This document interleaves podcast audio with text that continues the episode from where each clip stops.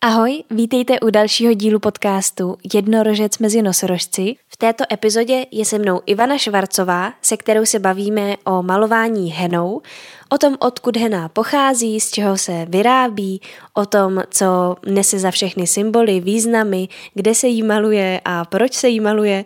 A také se bavíme o tom, jak se k ní vlastně Ivana dostala, proč si ji pořád přitahuje a jak se teďka potýká i s jistou nemocí nebo s takovou návštěvou, jak ona to nazývá, a jak to ovlivnilo teďka její práci. Všechno se dozvíte v tomhle rozhovoru, tak já vám přeji příjemný poslech. Ahoj, já vás vítám u další epizody a dneska je tady se mnou Ivana Švarcová. Ahoj. Ahoj. Já jsem si Ivanu pozvala proto, že už uh, tak nějakou dobu o ní vím. Moc ráda se dívám na to, co tvoří a nedávno jsem byla i na takovém setkání s ní. A ona se věnuje uh, převážně malování henou. A tak já bych o tom ráda věděla a proto jsem si ji pozvala. Takže děkuji, že jsi tady. děkuji za pozvání. A já bych asi začala úplně tak jako trošku možná odinut, ale mě vždycky zajímá ta cesta, jak k tomu ty lidi jako přišli. Takže možná první otázka je, jako co jsi studovala, kam jsi třeba směřovala předtím? To je, to je super otázka, protože většinou se všichni rovnou ptají na to, jak jsem se dostala k heně. Ale já jsem, eh, já jsem vlastně vzděláním výtvarnice. Já jsem vystudovala střední uměleckou průmyslovou školu v Praze na Žižkově a vždycky jsem se zabývala něčím, co jako více nebo méně se dotýkalo výtvarného umění nebo tvorby. Ale uh, za svůj profesní život jsem toho vystřídala fakt jako hodně. No a jedna z, teda z mých prací, která nesouvisela s uměním, bylo, že jsem jezdila jako průvodkyně. A mimo jiné jsem se dostala taky do Maroka. Mm-hmm. A e, v Maroku jsem viděla, jak e, tam chodí ženy s pomalovanýma rukama a v té době jsem ale vůbec neměla tušení o tom, co to je co to je za materiál, proč to nosej, akorát jsem tím byla fascinovaná, akorát se mi to strašně líbilo. A mm, pátrala jsem, dozvěděla jsem se, že to je hena. Strašně moc jsem chtěla, aby mě někdo ty ruce pomaloval, mm-hmm. ale pořád jsem se k tomu nějak nemohla dostat. Až jsem si teda v tom Maroku koupila henový prášek, zkusila jsem ho nějak namíchat, tehdy jsem vůbec nevěděla, jak se to dělá, takže to nebarvilo a e, vlastně nebyly ani, ani žádné informace, to bylo v 90. letech. Internet možná ještě ani ne, ne, neexistoval nebo byl v plenkách a v tom cestovním ruchu se většinou dostáváš do kontaktu s muži a ty nevědí vůbec nic. Jo. Ty mě vždycky říkají, jo, jo, jo, my se zeptáme doma. tak přišli a říkají, musíš tam dát citron, pak zase musíš něco. Jo.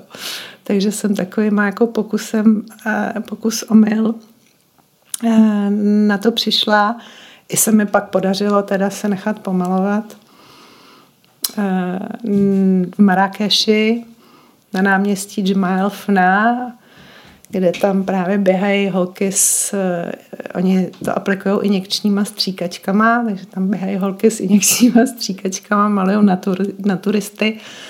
Bylo to příšerně drahý, eh, ten obrázek byl hrozný, ale já jsem to tak strašně moc chtěla. Ale jsem prostě šťastná. No. no tak to začalo, ale vlastně ten základ je ta, nějaká ta, eh, ta moje výtvarná průprava, já jsem vlastně malovala jako od dětství, no, že eh, co jsem udržela ruku, eh, tušku v ruce, tak, tak od nějakých dvou, tří let prostě už jsem co šlo, tak, tak po, po, pokreslila, pomalovala. Mm-hmm. Tam, tam to je. A na, jako, jakým směrem si směřovala na té na škole? Jako k výtvarničině, ale Zhruba kam? Já nebo? jsem tam studovala, to je taky legrační, já jsem tam studovala obor hračky. Aha. Respektive, když já jsem do té školy nastupovala, to bylo v roce 80, teď nevím, jestli je to 80 nebo 81, to je jedno, prostě na začátku 80. let. A ten obor se původně jmenoval Hračka loutka. A když já jsem nastupovala, tak se tam trošku měnil profesorský zbor eh, a ten obor se začal jmenovat tvarování hraček a drobných dekorativních předmětů. A ta loutka z toho úplně vypadla. Já jsem tam mhm. vlastně šla hlavně jako kvůli té loutce. Nicméně eh, proč zrovna tenhle obor, to je taky jako legrační. Já jsem předtím chodila do lidové školy umění a um, už chystala jsem se na zkoušky tady na tu školu a vlastně jsem ještě nevěděla, který obor. Tam byla malba a užitá grafika a scenografie a ještě spousta jako dalších oborů. No a ta moje učitelka z Ledušky říkala, no ona je taková, mým rodičům, říká, ona je taková dětská, tak ať jde třeba na tu hračku. No, tak jsem se přihlásila na hračku, aniž bych tušila, že teda strávím čtyři roky v truhlářský dílně u strojů. Dětská, což mě teda hrozně bavilo, jako pracovat s tím dřevem, to dřevo vonilo a naučila jsem se soustružit a řezat na cirkulárce a na pásový pile a protahovačku.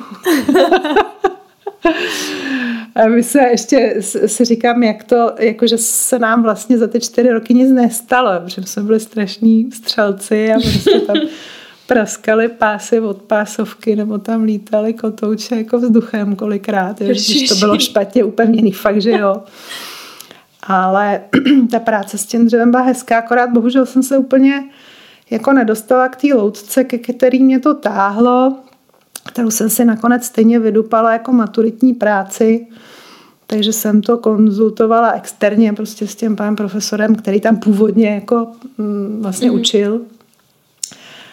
A, no ale vlastně už jsem to pak nikdy nedělala. Mm-hmm.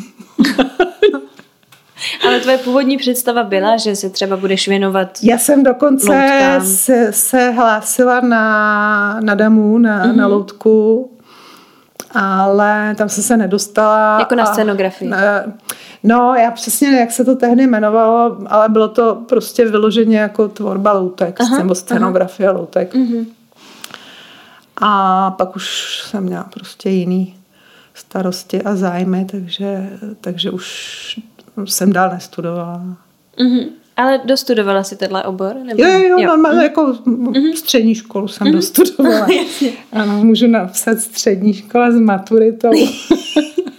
jo, to je důležitý. ano. no a co, co se teda potom jako změnilo, že vlastně si vystudovala tohle a pak jakmile skončila škola, tak tě to nějak přestalo?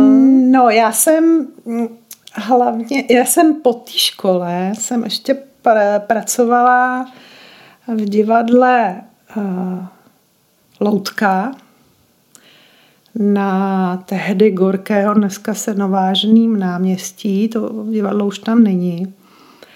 A tam jsem pracovala jako uvaděčka a jako taková jako holka pro všechno s tím, že budu v tom prostředí a že se třeba jako někde k těm loutkám dostanu. Nicméně se se k ním nedostala nějak, no já nevím.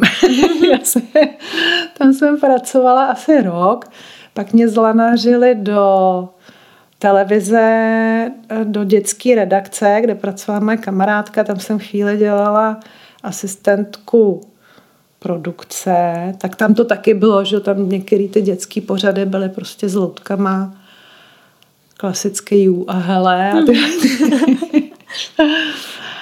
a, ale byla to v podstatě administrativní práce pak jsem dělala eh, návrhy oděvů, jo, tak jsem jako tápala, prostě mm-hmm. zkoušela, co by někde kde zaujalo, vždycky jsem zůstala eh, jako krátkou dobu poměrně, eh, třeba rok někde, jo, nebo rok a půl a zase jsem šla dál a vystřídala jsem to, já nevím, propagační grafik pro nemocnice, tehdy se tomu říkalo Ústav národního zdraví. Aha.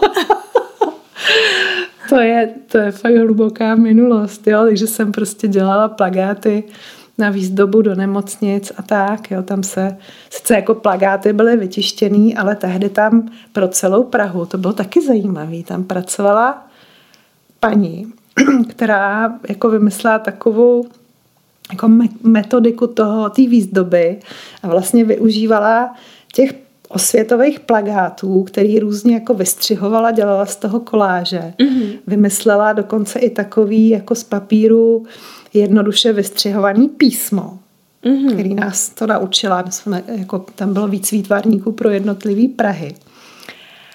A takže to bylo docela kreativní, jo? Jako, že to nebylo jenom prostě někde vymyslet, mm-hmm. jak, co tam bude vyset a pověsit to na stěnu, jako hotový plagát, ale že jsme tam z toho dělali jako další díla, takže to, to bylo taky zajímavý. No tak. Mm-hmm. a pak to teda přelomil ten výlet do Maroka? Mm-mm. Nebo? No, to ještě mezi tím určitě bylo spousta jako dalších věcí. Já jsem ještě uh, to je taky legrační.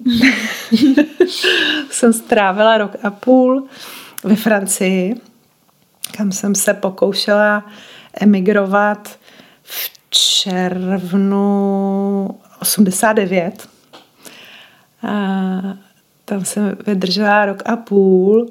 A tam vlastně jako v tom mém životě já mám pocit, že vždycky jako následovaly takové jako logické kroky, jo? že jsem něco udělala a díky tomu jsem se dostala potom někam. Jo? Mm-hmm. Takže já jsem se tam naučila francouzsky. Když jsem se vrátila na začátku teda 90. let, tak jsem si říkala, jako, že bych chtěla tu francouzštinu nějak využít a díky tomu jsem začala pracovat v té cestovce. Mm-hmm která tehdy vlastně jako vznikla nově, takže všechno to bylo na kolenou, potřebovali průvodce. Já aniž bych jako měla jakýkoliv vzdělání v tomhle oboru, akorát jsem uměla ten jazyk, tak jsem začala, je, a byly to cyklistické zájezdy hlavně a já jsem třeba vlastně v té době ani vůbec nejezdila na kole, jo, nebo nějak víc. Takže si pamatuju, že jsem na první zájezd si to kolo půjčila a bylo menší, než jsem měla mít, takže jsem strašně trpěla. Ale chytlo mě to, začalo mě to bavit a díky tomu jsem začala jezdit na kole jako hodně. Ale hlavně teda díky tomu a díky té francouzštině jsem se potom dostala i do, Marok, do toho Maroka, protože uh, Maroko je hlavně frankofonní země, nebo že tam jako druhý jazyk je uh, francouzština, když na severu se používá třeba víc španělština, ale vlastně ve většině toho Maroka vedle arabštiny se používá francouzština, takže se tam člověk uh, jako dobře domluvil. Uh, no, takže mm-hmm. jsem mhm. začala jezdit tam, tam jsem se potkala s Henou, ale Hena nebyla jako hned, teda, že bych se tím začala živit. to zase, ono, já jsem jako trošku už starobylá, takže, takže těch, těch jako mezistupňů Eh, v mém životě hodně, no. Ale tam tě teda oslovila. Ano. A pak to v tobě teda nějak jako zůstalo, utkvělo, že se to snažila nějak objevit jako dál? Nebo... Já samozřejmě, jak jsem říkala, se nejdřív se snažila teda přijít na to, jak tu henu namíchat tak, aby fungovala. Jo? Mm-hmm. To byl vlastně první krok. A malovala jsem na sebe a na kamarádky. Jo, to člověk zkoušel Mezitím uh, už začaly se objevovat informace uh, ohledně na internetu, takže jsem to tak nějak jako dala dohromady s tím, co jsem našla na internetu, s tím, co jsem, pak jsem se tam, že jsem tam jezdila uh, do toho Maroka poměrně jako hodně, že jsem si tam udělala i přátelé, a dokonce jsem tam měla i přítele, jako opravdu, že přítele, že jsem v uvozovkách eh, čtyři roky chodila v uvozovkách s Maročanem. Jsme se viděli třeba dva měsíce v roce, když to sečtu všechny ty, ty návštěvy, ale že jsem tam jezdila i soukromně, takže jsem se dostala třeba do rodiny, kde jsem mohla prostě mluvit s těma ženskýma, kde teda už trošku věděli, nebo to i používali tak mě, tak mě to naučili, jak oni to dělají, takže jsem to tak nějak postupně dala dohromady. Ale dlouho to byl prostě koníček, mm-hmm. že když byla nějaká sešlost ženská, tak jsem vytáhla henu a malo, malovala jsem. A... a jaká je tam ta tradice v tom Maroku třeba s tou henou? Mm, no, to je to zase vemu ze široka. Nevadí. To samozřejmě není jenom Maroko, ale no, ono je to daný tím, vlastně kde, eh, kde ta hena roste. Hena, já, já začnu hodně ze široka. protože eh, o tom strašně ráda mluvím a, a ráda jako šířím tu osvětu a, a mluvím o tom materiálu. Takže eh, co to vlastně je? Mm-hmm. Jo, hena. Hena je nebo pochází z sušených lístků keře, henovníku, který eh, roste mm, v pásmu právě, když se to vezmeme, Severní Afrika, Arabský poloostrov, západní Indie. A potřebuje eh, horký a suchý prostředí, takže tady jako v tom pásu samozřejmě roste i jako jinde, potom třeba dál v Africe nebo i i, i, i dál na východ, ale ta nejkvalitnější hena je z oblastí, který, kde, který jsou opravdu hodně suchý a kde je hodně teplo a hodně slunce. Tam ty keře obsahují, nebo ty lístky obsahují nejvíc toho mm, červeného barviva. No a jedn, jedna z těch zemí je právě taky Maroko a ona, eh, ta hena se používá nebo používala tradičně právě v, v zemích, kde roste. Mm-hmm. Jo, takže henu známe marockou, Indickou. nebo v Egyptě, mm-hmm. že jo, v Indii mm-hmm. hodně a na tom arabském poloostrově v arabských zemích. No a je to materiál, který teda jednak nejvíc to asi u nás lidi znají, eh, protože se s henou barví vlasy. Mm-hmm. A tady v těch tradičních zemích se hena používá na zdobení těla.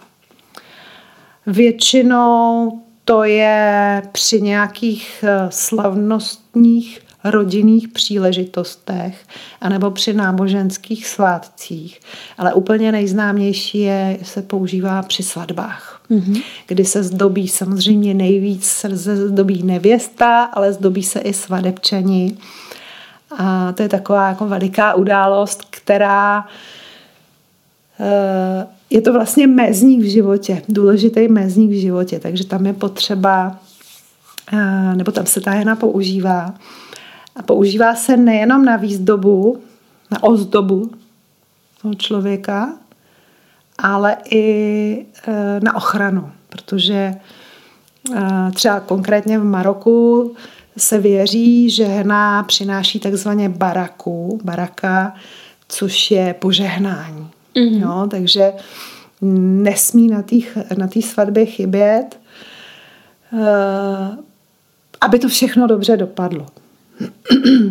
jo, ono se věří, že má uh, i schopnost uh, jakoby chránit třeba před ušknutím, jo, tomu se, uh, evil eye, jako mm-hmm.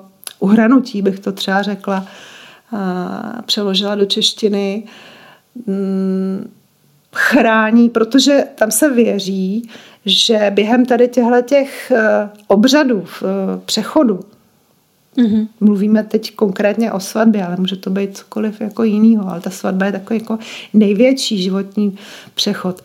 Takže mm, tam dochází k nějakému jako snadnějšímu průniku mezi tím světem naším a mezi tím světem konkrétně třeba džinů, jo? protože tam se věří, nebo věřilo prostě v džiny, který můžou být trošku jako zlomyslní. Mm-hmm.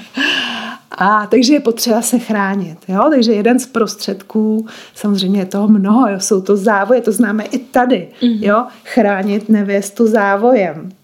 ono to tady zůstává v té tradici, než bychom třeba tušili, odkud to pochází. Ale ta hena je jedním prostě z prostředků, eh, jak se chránit.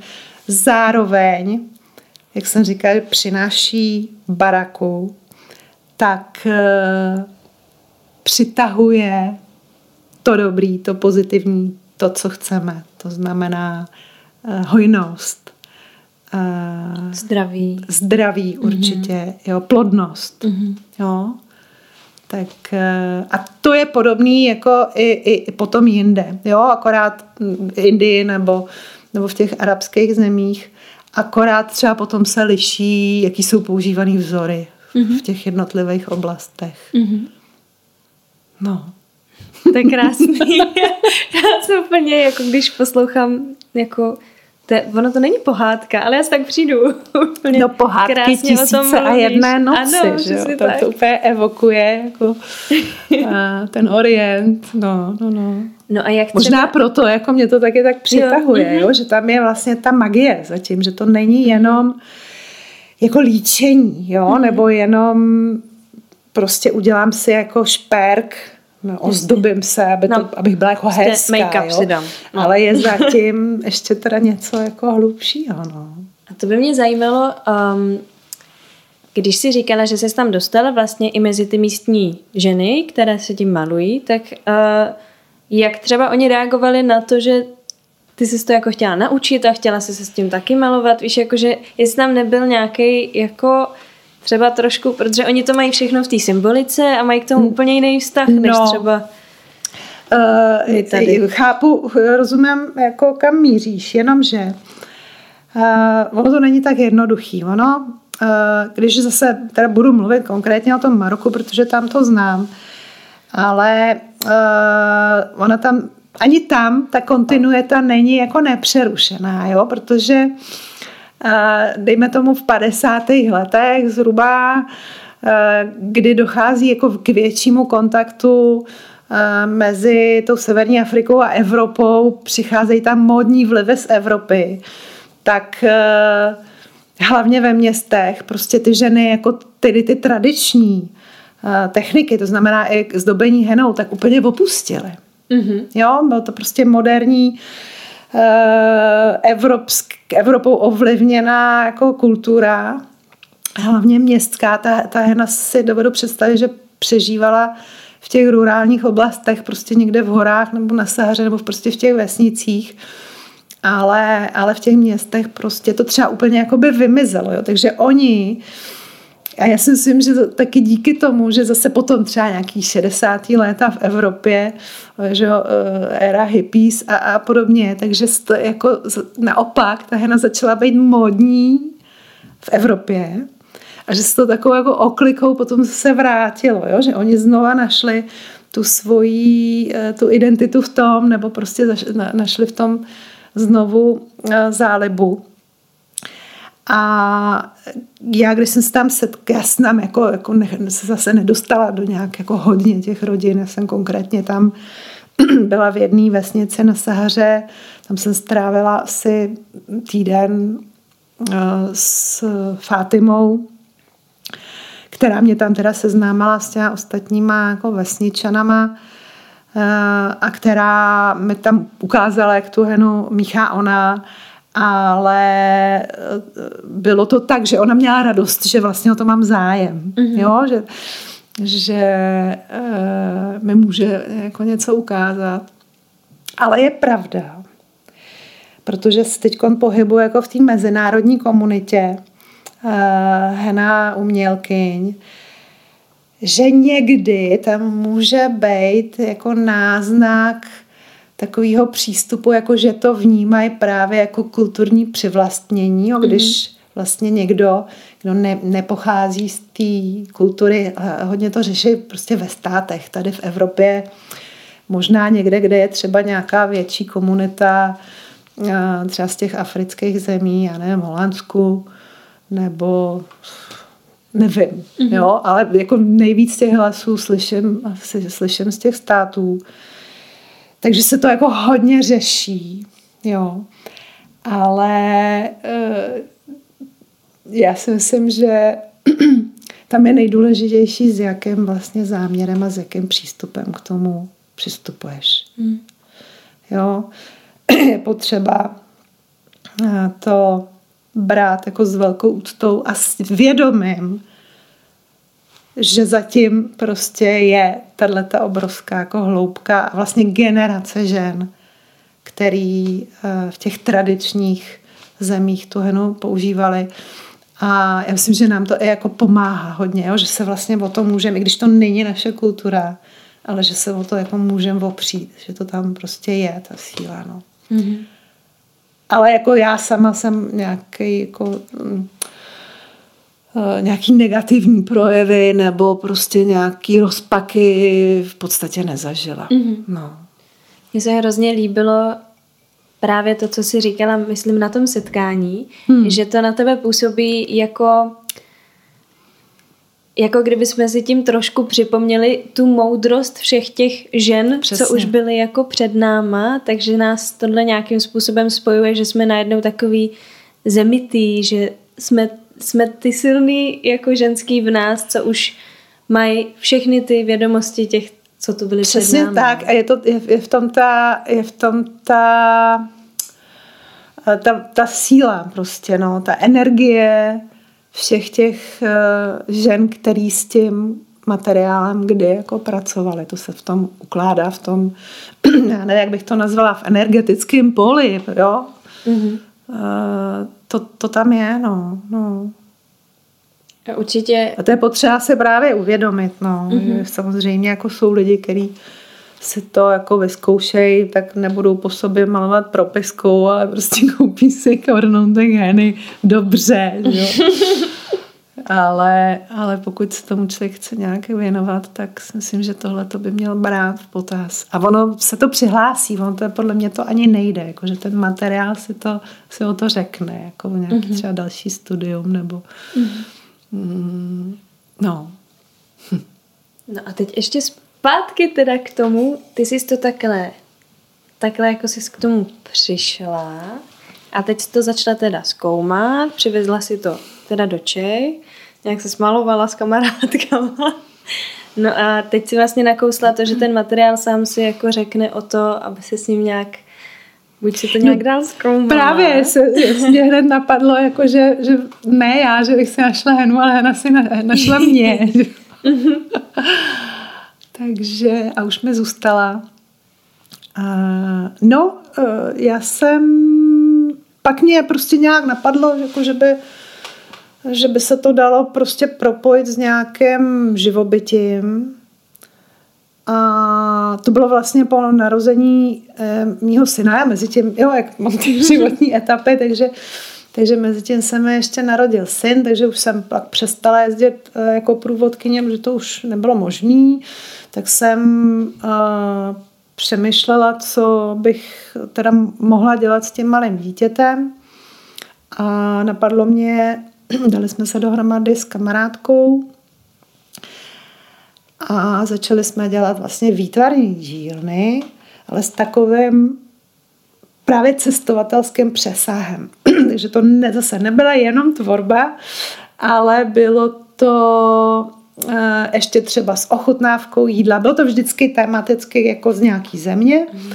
Takže Hena Maroko, eh, kde jsme tedy učili eh, ty účastníky, jak se pracuje s henou, jak, jak malovat, ale byla tam i ochutnávka marockého nějakého jídla, pouštěli jsme k tomu marockou hudbu. Já jsem tam dokonce četla nějaký jako marocký povídky, k tomu byl takový jako mm-hmm. bohatý, nabubřelý program. A, ale takhle jsme pak dělali i jako jiný výtvarný věci, že jsme měli tu drzost, že jsme třeba učili uh, malovat uh, nebo psát ikony. Ono se říká, že ikony se nemalují, ikony se píšou. Uh,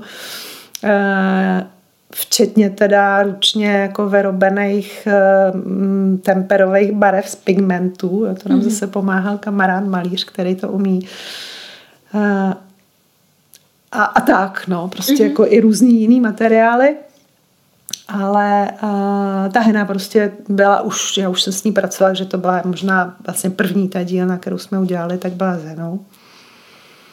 A, a tak se to postupně jako nabalovalo a Nejdřív to byly tyhle ty, mm, tyhle ty workshopy, pak jsem začala malovat i na lidi jako na klienty nebo na klientky, většinou to byly ženy a jsou.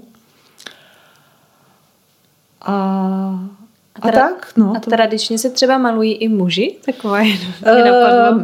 ne tolik, ale třeba v, konkrétně v tom Maroku uh, vím, že muži používají henu právě na barvení třeba vlasů a, a i vousů, jo? že tam fakt potkáš prostě stařečka, který by měl bílý vousy a ona ta hena barví podle toho, jaká, když teda mluvíme o vlasech, tak podle toho, jaká je ta původní barva vlasů. Jo? Takže když se obarví blondýna, tak má prostě úplně ru- rudou nebo ora, oranž, sitě oranžovou eh, eh, hlavu. A to samý teda, když má někdo jako prošedivělý nebo úplně bílý vlasy nebo vousy, tak je to prostě úplně zářivá rudá barva, takže tam chodí jako dědečci prostě s, s rudým vousem, jo. To je skvělý.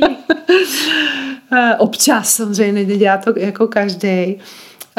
Setkala jsem se s tím, že třeba při právě nějakých těch slavnostech tak mají muži třeba jenom kolečko v dlani, nebo jenom, aby prostě měli jakoby tu henu u sebe, ale, ale nezdobí se eh, nějakým jako ornamentama, nebo jsem se konkrétně v Maroku s tím nesetkala, ale třeba jsem se s tím setkala v, v té indické kultuře, eh, protože jsem měla potom možnost, eh, to už je otázka nějakých pár let zpátky, v podstatě současnost, kdy jsem měla možnost tady malovat klasicky na, na tradiční indické svatbě. Mm-hmm.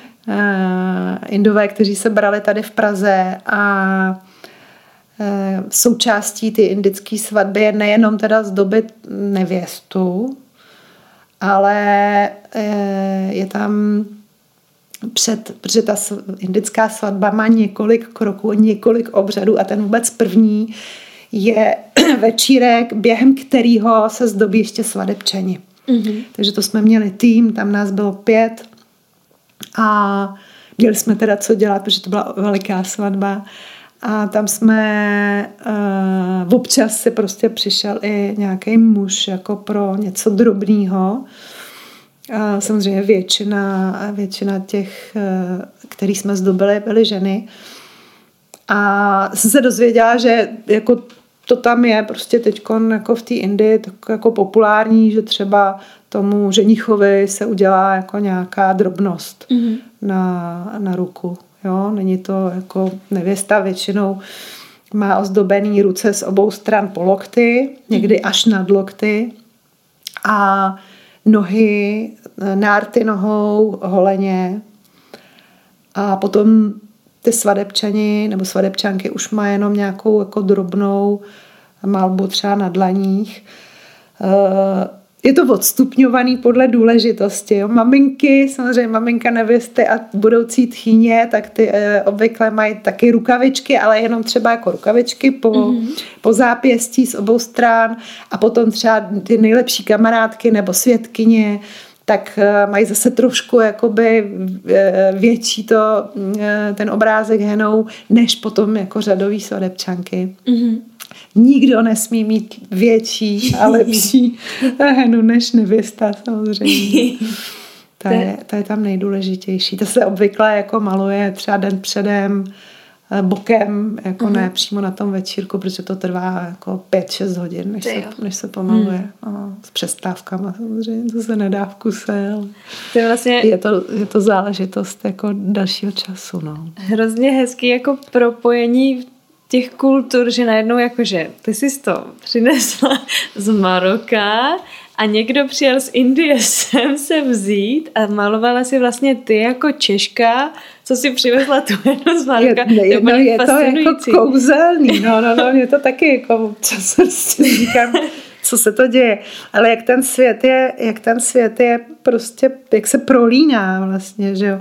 A na téhle tý, to byla eh, první, no, to byla moje druhá svatba vlastně. První svatba to byla taková zkouška, to bylo asi já nevím, dva týdny před tady tou velikou. A to byla maličká, to byla Češka, která se brala Inda, a bylo tam jenom pár lidí a, byly tam ty indické tetičky a ty jsou vždycky skvělé.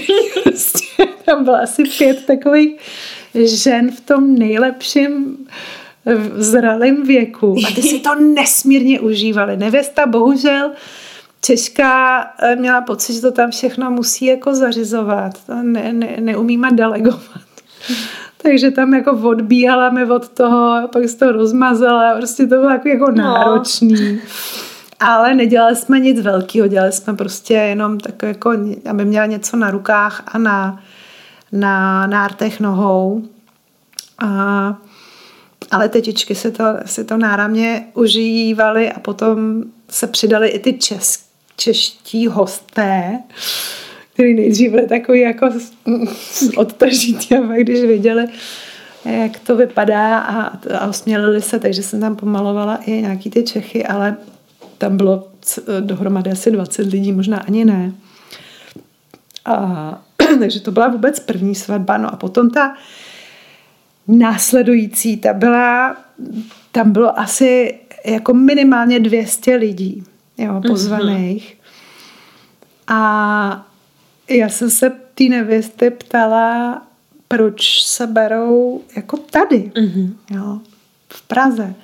A ona mi vysvětlovala, že ona říká, já nemám moc ráda jako velké množství lidí, jo, takže říkám, počkej. Přesně, jo, jsem se začala smát a ona říkala, no, to kdybychom se brali, já teď si, si jisté se byly možná z New Yorku, jako přímo, a, nebo každopádně z nějakého prostě většího města. A ona říká, kdybychom se brali tam, tak tam je přeci jenom velká ta indická komunita, tak tradičně bychom uh, museli pozvat i známý známých. Ah. A tam jako tisíc lidí jenom takhle, jo? že to prostě to, to je, to, ty, ty svatby jsou prostě obro, obrovský a je povinnost prostě pozvat tam všechny. Jo. jo. A ona jako se tomu šalamounsky prostě vyhnula tím, že se rozhodli, že to udělají jako takzvaně destination wedding, že jo, někde. Mm-hmm. A vybrali si Prahu, protože mám dojem, že ten ženich tady už jako jednou byl, že se mu tady líbilo, takže takže se brali tady a vlastně mo- přijel jenom ten, kdo skutečně mohl. Mm-hmm. Jo, takže 200 lidí. No, i tak teda. No, no, no, no. A bylo to nádherný a tam právě jako mě dojalo, že na, na konci toho večírku tak za náma přišel eh, ten ženich a fakt jako měl v očích slzy a strašně nám děkoval, říká, já jsem se připadal fakt jak v Indii, jako mm. moc děkujem, jo že, a to je přesně, to je právě ono, jako když člověk zná to pozadí, přistupuje k tomu s tím respektem a s tou úctou, tak je to jedno, jestli je to Čech nebo mm. Int nebo někdo úplně jiný. Jo. Mm. Protože ten základ tam je, tam je to lidství, že jo, to prostě, to, to nám nikdo neodpáře, no. Tak to bylo moc krásný. Já myslím, že to může dělat i to, že mm, že ta, ty svatby, když jsou jako, když jsou zrovna fakt, když se povedou, tak uh, vyvolávají prostě silný jako emoce takového propojení těch lidí, že právě to jako všichni prostě no. směřují najednou je to vlastně oslava lásky, že jo, takže prostě všichni se tak jako otevřou a, a jsou takový jako, jako dohromady, no, a jsou tam prostě kvůli třeba kvůli dvou lidem, ale zároveň prostě si vzpomenou sami na to, koho třeba mají rádi a, a je to... No určitě jo a navíc teda jako ty indové, já jsem nabyla dojmu, že oni se fakt umí bavit. jo a to prostě strhne, že jo, to jako... to bylo úplně vidět, jak se to prostě všichni užívají. A my jsme pak měli ještě jednu svatbu po pár letech, to bylo teďkon předloni, myslím. Eh, ty chudáci to plánovali a pak do toho přišel covid, mm. takže se to asi jako dvakrát přesouvalo ten termín. Říkám, už se, už se snad ani nevezmu, nakonec to jako klaplo. E, protože jako ty svatby se plánuje, tahle ta veliká, ta se plánovala rok dopředu, jo. Tam mm-hmm. jsme se i vyměňovali, já jsem dělala nějaký návrhy, ta nevěsta mi to prostě korigovala. Nakonec jsme tam stejně udělali něco jiného podle té nějaké momentální dohody, ale tady, ty, ty, tady se to prostě několik let jako posouvalo.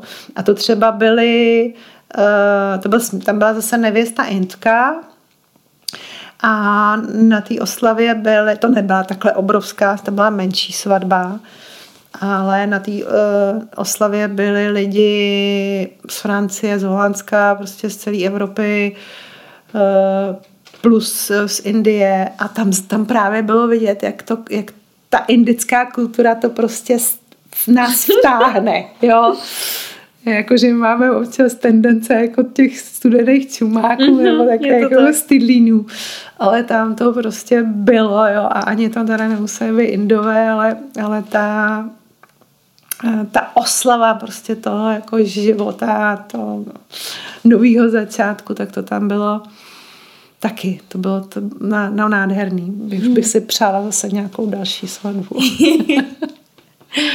Já jsem ještě zvědavá, jak jsi třeba zmínila ten kroužek na ruce, hmm. tak jestli víš o nějakých, jestli mi řekneš třeba nějakých pár jako mm, zajímavých symbolů, co třeba se používají právě často, jestli třeba máš i nějaký, že víš, co znamenají, nebo... Mm. No, um, tady třeba ještě ten kroužek na ruce u těch mužů, tak tam se, to je zajímavý třeba v Maroku vlastně, kde jsou, kde se používají teda různý styly, ale řekli bychom marocký, ale rozlišují se podle e, oblasti v Maroku, kde vznikly nebo kde prostě se častěji používají. Dneska už se to samozřejmě prolíná a, a vzájemně se ty styly ovlivňují, takže i v Maroku můžeme najít prostě henu, která je ovlivněná, já nevím, nějakýma, ne, ne symbolama, ale nějakýma prvkama, e, třeba z indické heny a, a naopak. Mm-hmm. Ale když jsem právě byla na návštěvě u té Fátemy, tehdy v té vesnici, tak jsme nějak taky jako s tou, eh, nebo možná to bylo tehdy, když ona jako mě míchala henu, tak eh, jsem, jo a to je, to je zajímavé, já udělám odbočku, jo, teď, protože teď jsem si vzpomněla vlastně, stejně, i když člověk se snaží jako do toho proniknout, tak občas narazí na nějaké jako kulturní neporozumění. Já to vysvětlím. Eh, ona, mi, ona namíchala tu henu, ozdobila mi ruce a já jsem jí jako nabídla, že já jí ozdobím ruce taky. A ona to odmítla s tím, že se blíží nějaký náboženský svátek, už se nepamatuju, co to bylo za svátek. A právě říkala, to já jako na tenhle ten svátek se dělá jenom jednoduchá hena a právě, že jenom kolečko, mm-hmm. byť teda žena, tak jenom kolečko do dlaně a možná špičky prstů o barvě. Takhle mi to vysvětlila. Tak já jsem to tak vzala a pak jsem se po letech potom bavila s mojí kamarádkou, taky Fátemou, která mm, žije v Holandsku, je na umělkyně a vyprávěla jsem jí tady ten, tu, ten můj zážitek a ptala jsem se jí na to, jestli to tak skutečně je, že během těch svátků se, mm-hmm. se dělá kolečko do dlaně a ona se tak pousmála a říkala, víš co, ono, možná to bylo úplně jinak. Že ona nemohla přijmout, aby host mm-hmm. jí a to je jedno, jestli bych jí vařila, nebo jestli by, jo, že to je vlastně tradičně jako ten hostitel vlastně dělá dobře těm svým hostům, mm-hmm. ale je dalo by se říct nepřijatelný, nebo ne, ne, ne, bylo by neslušný, kdyby přijala prostě nějakou takovouhle jako službu od někoho, kdo je u ní hostem. Jo, mm. takže, ale zase to nemůže říct takhle jako na, na plnou hubu, jo, takže si možná spíš prostě vymyslela tady ten důvod a, a že kdo ví, jak to, jak to ve skutečnosti bylo, ale že s nějakou takovou jako slušnou formou odmítla, mm-hmm. jo, abych já jako host jí to henu dělala, jo, což je prostě hrozně zajímavý a to by ten člověk musel asi žít prostě pár let, aby hmm. tady do těchto těch nuancí prostě pronikl. Jo. Takže, takže to je jenom jako příběh. Ale co se týká těch, eh, těch vzorů, tak eh, třeba konkrétně v tom Maroku je takové jako výrazný, hodně tradiční vzor, který, kterýmu se říká Fesi a který právě mě naučila ta holandská Fátima, ta moje kamarádka, která se mu věnuje a která se snaží ho jako udržovat v té tradiční formě. A to je vzor, který je hodně jednoduchý, který je složený. Ono to připomíná třeba tkaný kober, vzory v tkaných kobercích nebo ve výšivkách. Mm-hmm. Jsou to většinou eh, čtverce nebo trojuhelníky nebo kosočtverce, rovný čáry, uh, úplně jako stylizovaný, vlastně tam není nic konkrétního, všechno je to stylizovaný, ale všechno to vychází z něčeho, co je konkrétní. Takže jsou tam stylizovaný, já nevím, palmy, stromy, lidské mm. postavy, ale je to vždycky jenom pár čárek nebo, nebo klička nebo nějaký jako tečka. uh, tak to je, to je takový jako hodně typický vzor pro, pro Maroko, ale pak se tam samozřejmě objevují i květinové vzory, který jako je těžko popsat, že? těžko popsat, ale když, je pak, když se to člověk trošku naučí, má to nakoukaný, tak třeba podle fotky to pozná, že to je prostě spíš teda z té severní Afriky, než nevím, květinový vzor třeba z arabského, mm-hmm. nějaký, z nějaký arabské země. Um, Maroko je islámská země, takže já, islám zapovídá zobrazování živých bytostí, takže tam nenajdeme ptáky, ryby, zvířata, nedej bože lidský postavy. A nikde ani vlastně v těch arabských zemích, to je zase a, styl, když vezmeme celou tu oblast, tak se tomu říká jako Gulf Hena, jako Golfský záliv nebo uh, Kalidži, což je uh, v arabsky vlastně zá, záliv taky. A uh, co jsem to řekla, golfský. no prostě, prostě z, z oblasti Perského zálivu. Uh, je styl Heny, která vychází z, jako z výrazných květinových motivů. A je taková jako organicky se prostě mm, omutává kolem té ruky a pracuje se tam hodně třeba s volným prostorem a naopak jako s nějakým eh, třeba hodně výrazným vyplněným květem. Jo, zase je to, mm-hmm. když už to člověk má nakoukaný, tak to prostě pozná. No a pak máme teda Indii, která je taková jako nej, nejbohatší možná, co se týká těch jednotlivých motivů a hodně podléhá módě. Mm-hmm. V indické heně se na rozdíl od těch muslimských zemí vyskytují živý bytosti, takže tam se můžeme setkat se slony, eh, pávy, mm-hmm Mm, a vždycky ty zvířata mají eh, nějaký symbolický význam, že slon je propojený s božstvem, s Ganeshou. Že? Eh, já zase do té indické mytologie úplně tolik nevidím, takže nebudu eh, zacházet do detailů. Mm. Pávy jako, jako symbol nějaký jako královský důstojnosti zároveň, teda toho bohatství, že když když rozvinou ten ocas, jo, tak to je prostě něco nádherného. Takže i taková jako hojnost všeho.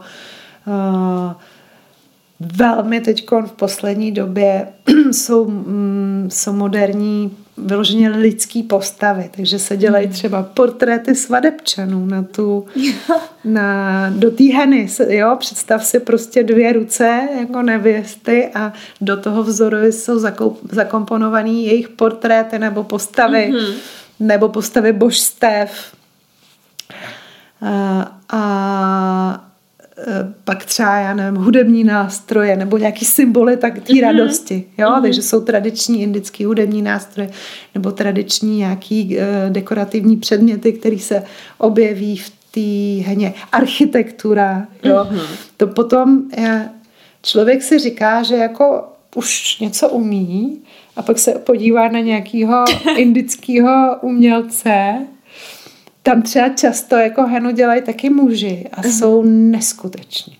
Uh-huh. Já jich mhm. sleduju několik na Instagramu, měla jsem i to štěstí se se dvěma eh, eh, umělci z Indie setkat osobně a to je, mě to dělá obrovskou radost z toho důvodu, že je vidět, že kam se ještě člověk může posunout. Jo.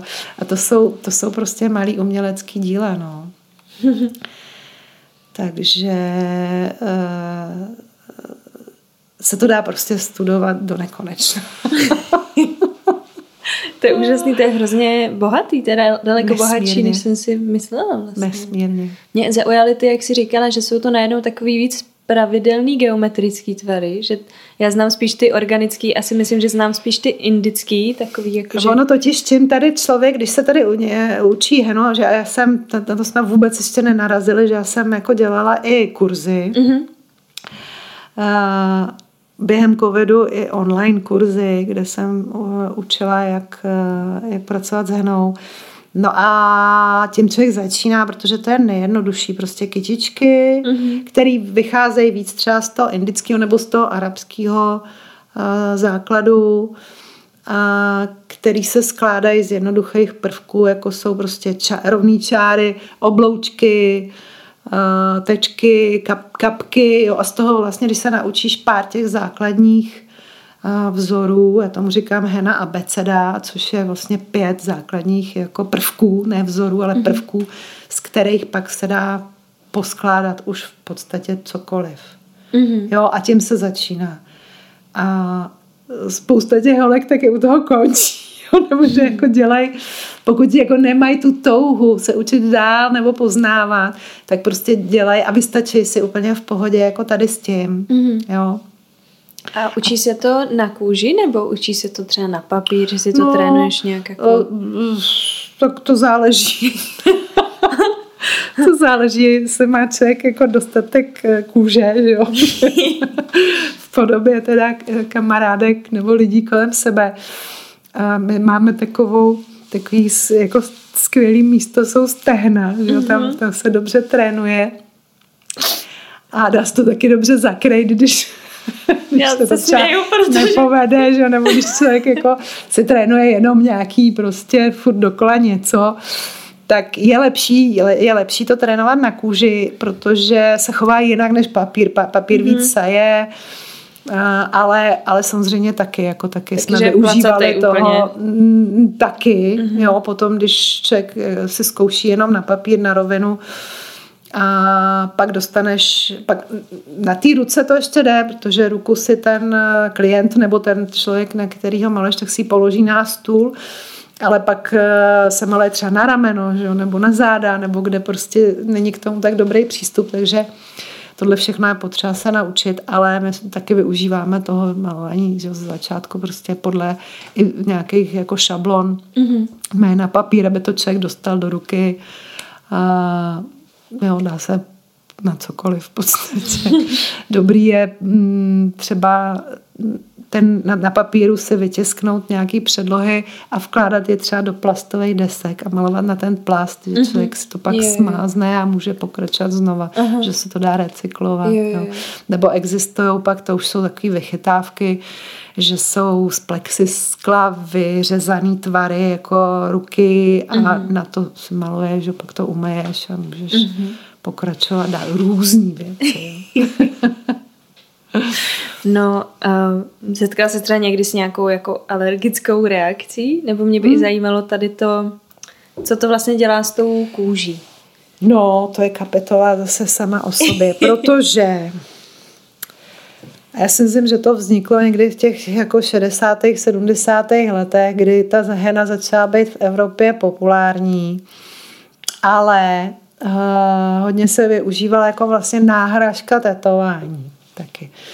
No a byla snaha, aby ta hena, protože hena přirozeně má barvu ve škále od oranžový po tmavě hnědou. Mm-hmm. Záleží, kde na těle na, to je, jednak jaký je třeba typ kůže, ale to jsme tady možná neřekli, Mm-mm, ještě ne. že hena se v kůži váže na keratin, to barvivo mm. se váže na keratin, to znamená tam, kde je hrubší kůže, tak je tmavší odstín. Nejtmavší odstín je na dlaních, mm. případně na chodidlech, kde máme jako nejsilnější vlastně vrstvu pokožky a potom dál na těle, já nevím, když řeknu třeba na krku nebo na, na hrudi, kde je jemnější kůže, tak ten odstín je světlejší. No a ta tendence, když se k tomu přistupovalo jako náhrada tetování, tak bylo jako mít ten odstín co nejtmavší, ale i jinde na těle. Takže se do toho začaly přidávat různé chemikálie.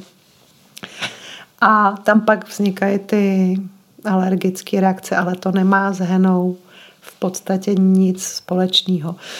Teď je nejnebezpečnější, je to parafendiamín, uh, parafenilen, parafenilendiamín, zkrátka PPD, což je chemická látka, která uh, se buď to používá vyloženě samostatně a v ohenu se to ani nevopřelo.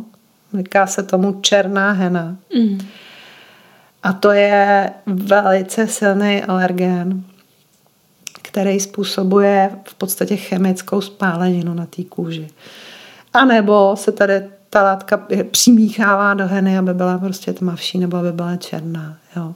A v Evropě už je to zakázané používat v prostředcích na kůži, ale je to látka, která se třeba běžně jako, nebo já nevím, možná dneska už je to zase taky jinak, oni ty normy jako trošku při, jako přitvrzujou ale používá se v barvách na vlasy, v černých mm. nebo tmavých barvách na vlasy. Jo kde je omezená nějakým prostě množství, je povolená, ale omezená nějakým množstvím.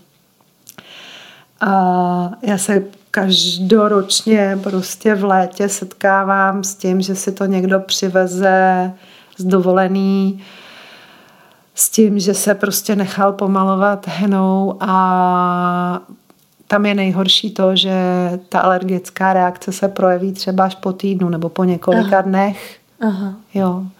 A takže dohledávají potom někdo no, nějakého plážového umělce, že většinou se to prostě vozí lidi třeba z Egypta nebo takhle z těch, z těch eh, letovisek, ale i já nevím, z Chorvatska nebo ze Španělska, jo, i když je to prostě zakázaný, tak stejně jako někde mm-hmm. na, to, na to narazíš. Nejhorší je, když to prostě nechají udělat dětem, jo. To je... mm. No, takže to jsou, to jsou alergické reakce na chemické látky, které se tváří jako hena, ale které hena nejsou.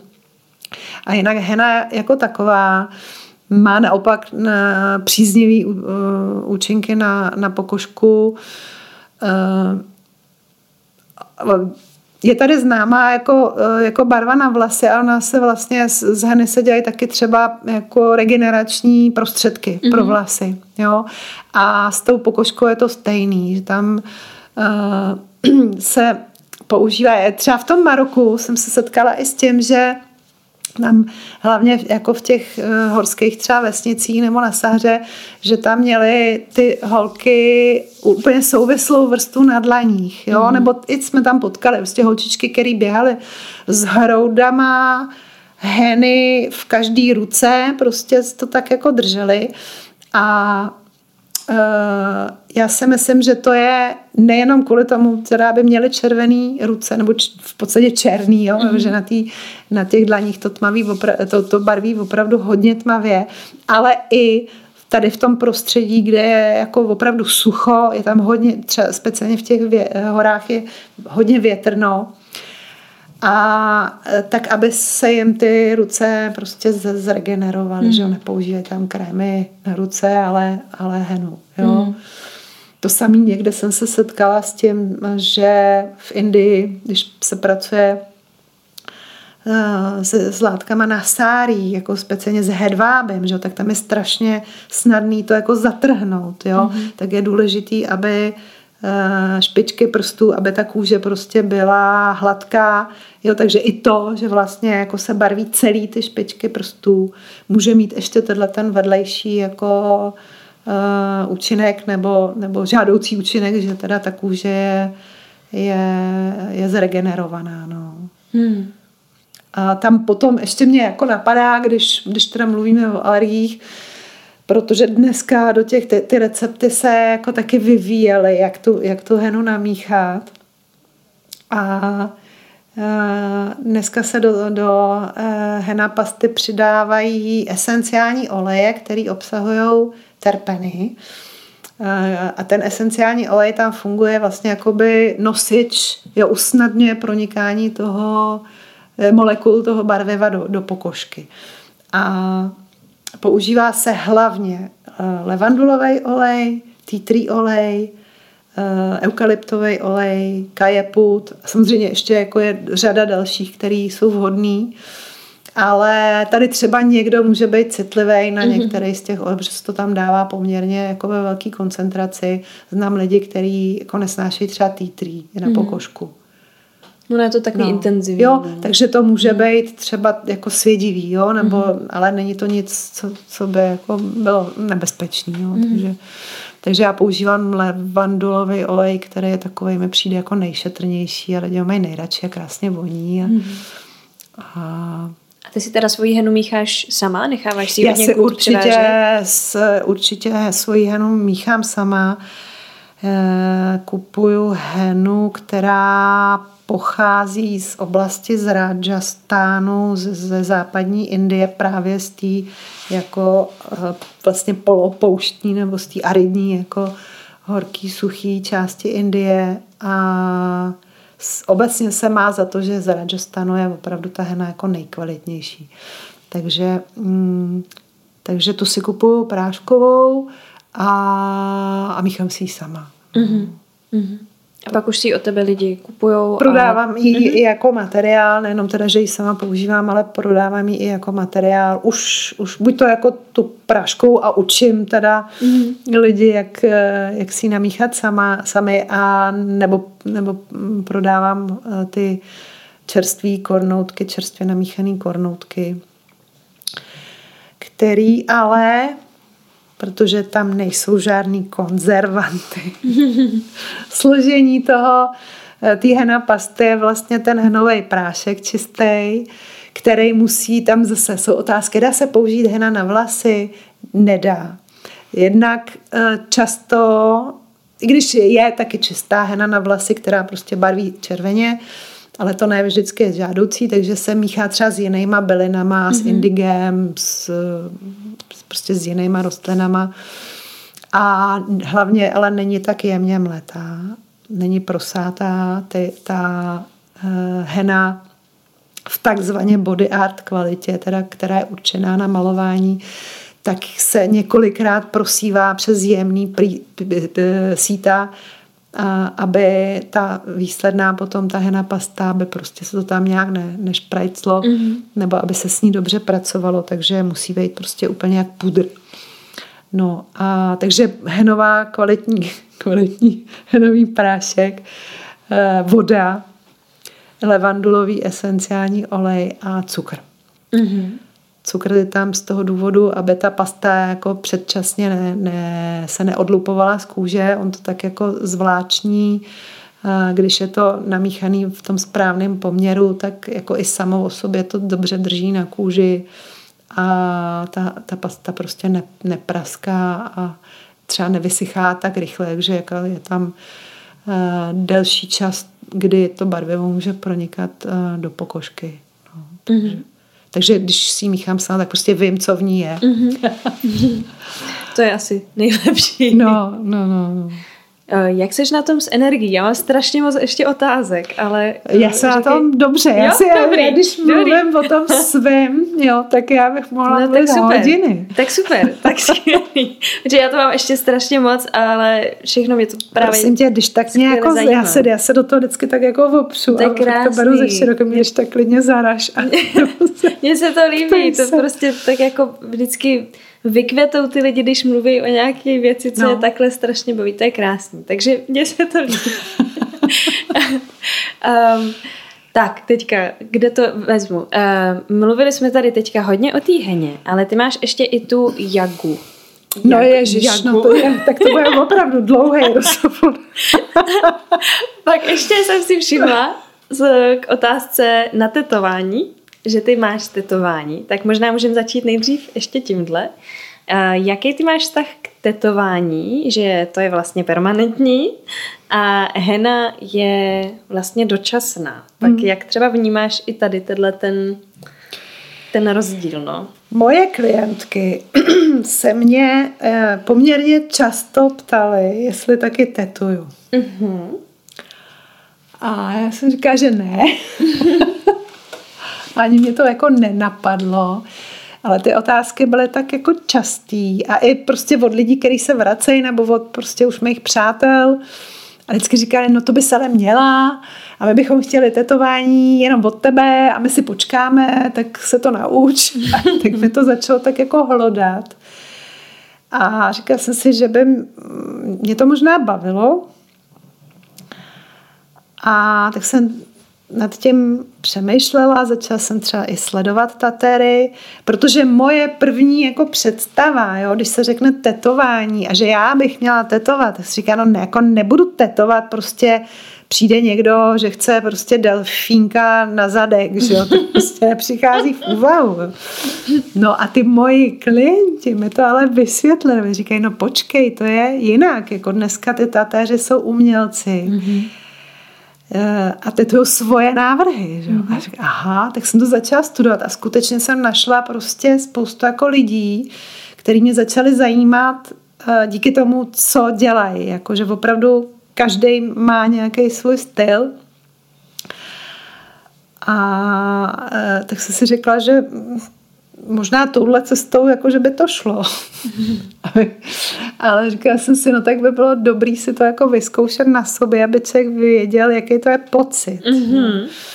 No a e, pořád jsem nějak jako nevěděla, nevěděla jsem co, nevěděla jsem kdo a pak jsem jela na konferenci, na Hena konferenci do Maďarska, kam jsem, kde jsem byla rok předtím jako host a ten druhý rok si mě tam pozvali jako, eh, jako guest speaker, jako, jako eh, přednášející právě o Jague, mm-hmm. jo, k tomu se dostanu mm-hmm. jako materiálu. A protože ten rok předtím, když jsem tam byla, jak je to nadchlo, jakým způsobem já vlastně s Jagou pracuju, tak mě pozvali. A takže jsme v tom kruhu těch lektorů diskutovali a e, byla tam se mnou ještě lektorka Líza, která je z Ruska a která uh, tam měla nějakou přednášku o heně a jak jsem se jako dívala, co dělá, tak se mi ohromně zalíbil ten její styl a ona nejenom, že teda maluje henou, ale i tetuje. A v nějaký té skupinové diskuze tam eh, navrhla, že teda si bere sebou stroj, kdyby někdo chtěl tetování, takže to tam můžeme spáchat. A já si říkám, no tak to je znamení, líbí se mi, eh, v životě jsem jí teda neviděla, že sešli jsme se předtím na, na Zoomu, jako bychom se nějak dohodli, co teda vlastně budeme dělat a eh, já jsem se rozhodla, že to první svoje a zatím jediný tetování chci od ní. Mám tetování na předloktí, takovou květinu a e, kterou mi vytetovala Ruska v Budapešti. v pučeném e, tetovacím salonu se tam dohodla s někým, že nás tam prostě nechali e, protože k tomu je potřeba že jo, vybavení a takže takhle, takhle jako mi přišlo moje první tetování. No, já, já jsem si potom i koupila strojek, já mám v podstatě všechno, mm-hmm. akorát to ještě neumím. a už je to asi tři roky, co ho mám doma. Protože pokud chceš dělat uh, jako oficiálně tatera, tak je potřeba mít prostě rekvalifikační kurz, nebo taterský kurz oficiální. A to zatím nemám, no. Takže to k tetování. A takže jsem jako úplně přehodnotila ten svůj vztah jako k tetování. Je to úplně jiný způsob práce. Mm-hmm. Jo, jako já jsem jenom si tak zkoušela zatím prostě na umělý kůži něco dovedu si představit, že se budu muset třeba trošku od té heny odklonit, pokud se tomu skutečně budu věnovat, protože to je úplně jiný přístup, úplně jiný způsob práce. A je tam spousta dalších věcí, že jo, jako kríček prostě musí znát, jako přísná hygiena a znalost prostě anatomie a nevím, co všechno. Mm-hmm. Jo, takže, takže je to zase hodně studia. Ale hlavně se teda změnil ten můj přístup k tomu, že skutečně jako může jít v umělecký dílo. A já koukám po lidech, kdo co má jako za tetování. A musím říct, že některý jsou teda fakt úžasný a že se mi to jako líbí. Mm-hmm.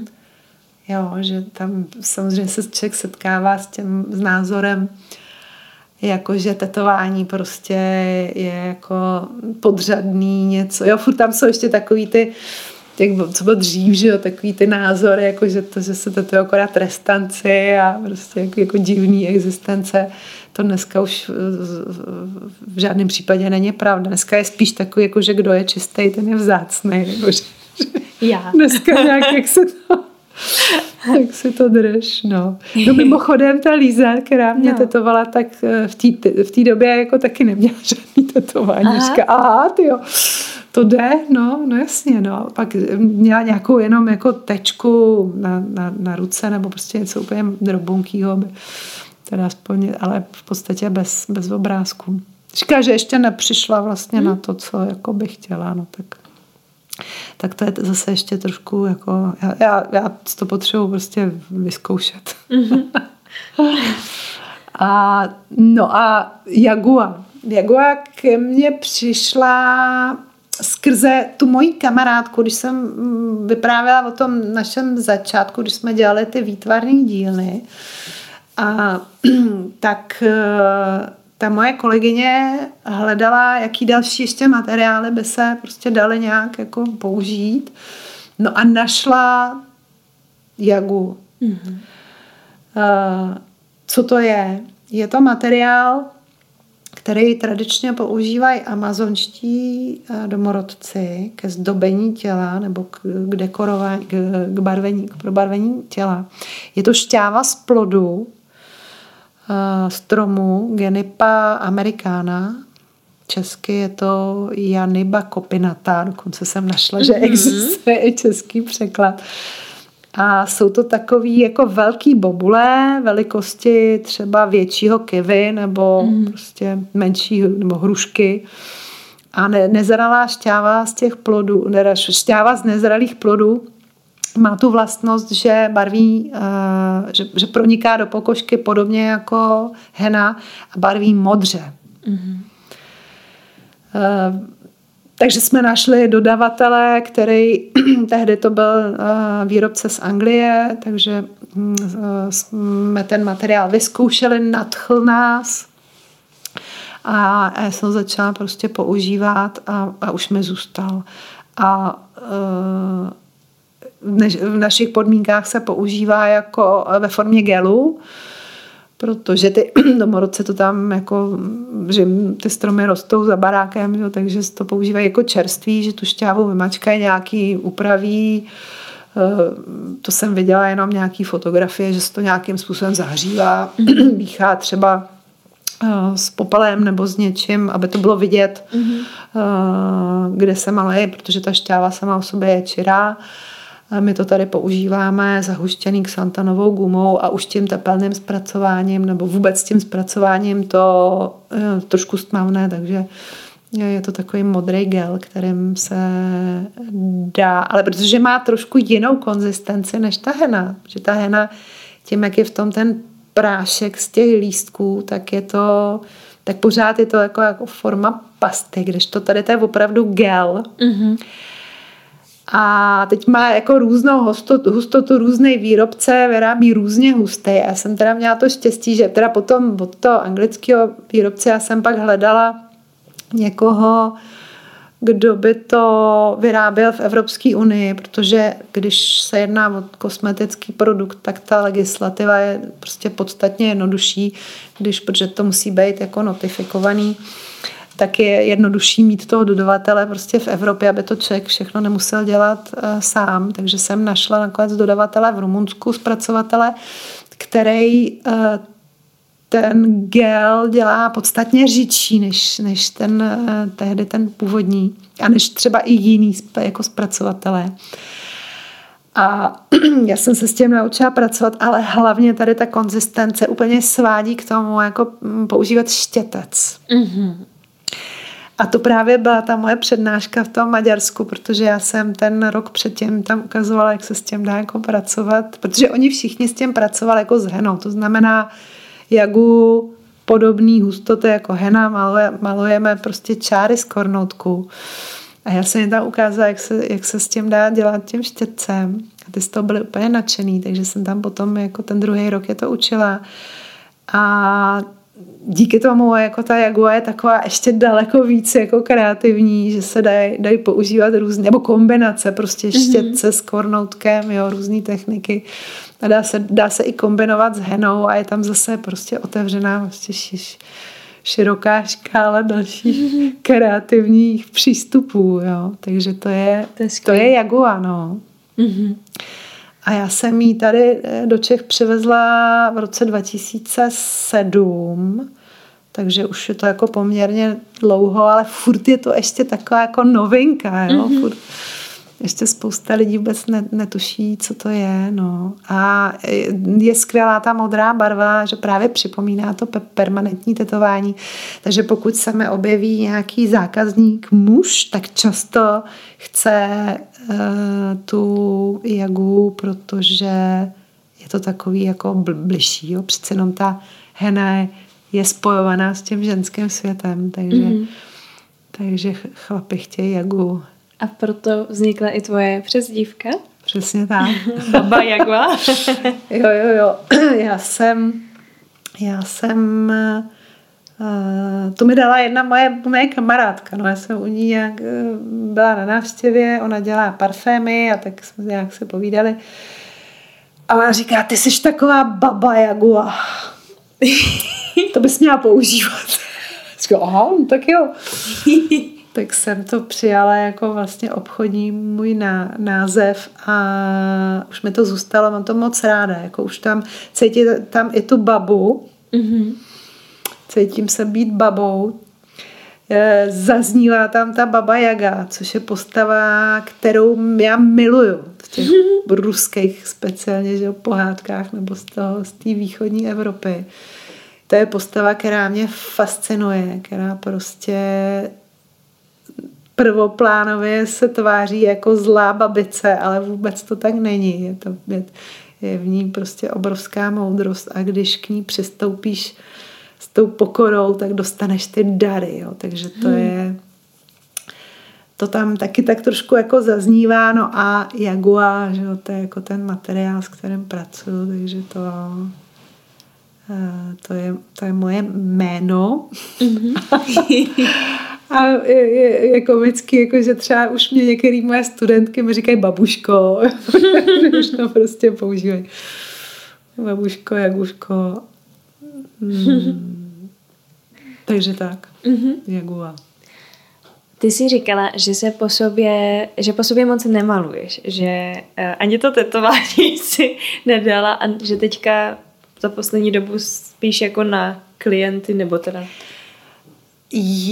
já, no, já teď jako po sobě nemaluju, protože jednak na to nemám moc čas a mm-hmm. jednak na to nemám ani jako moc mm, náladu, to, mm-hmm. protože to, je, to, to člověk prostě musí mít.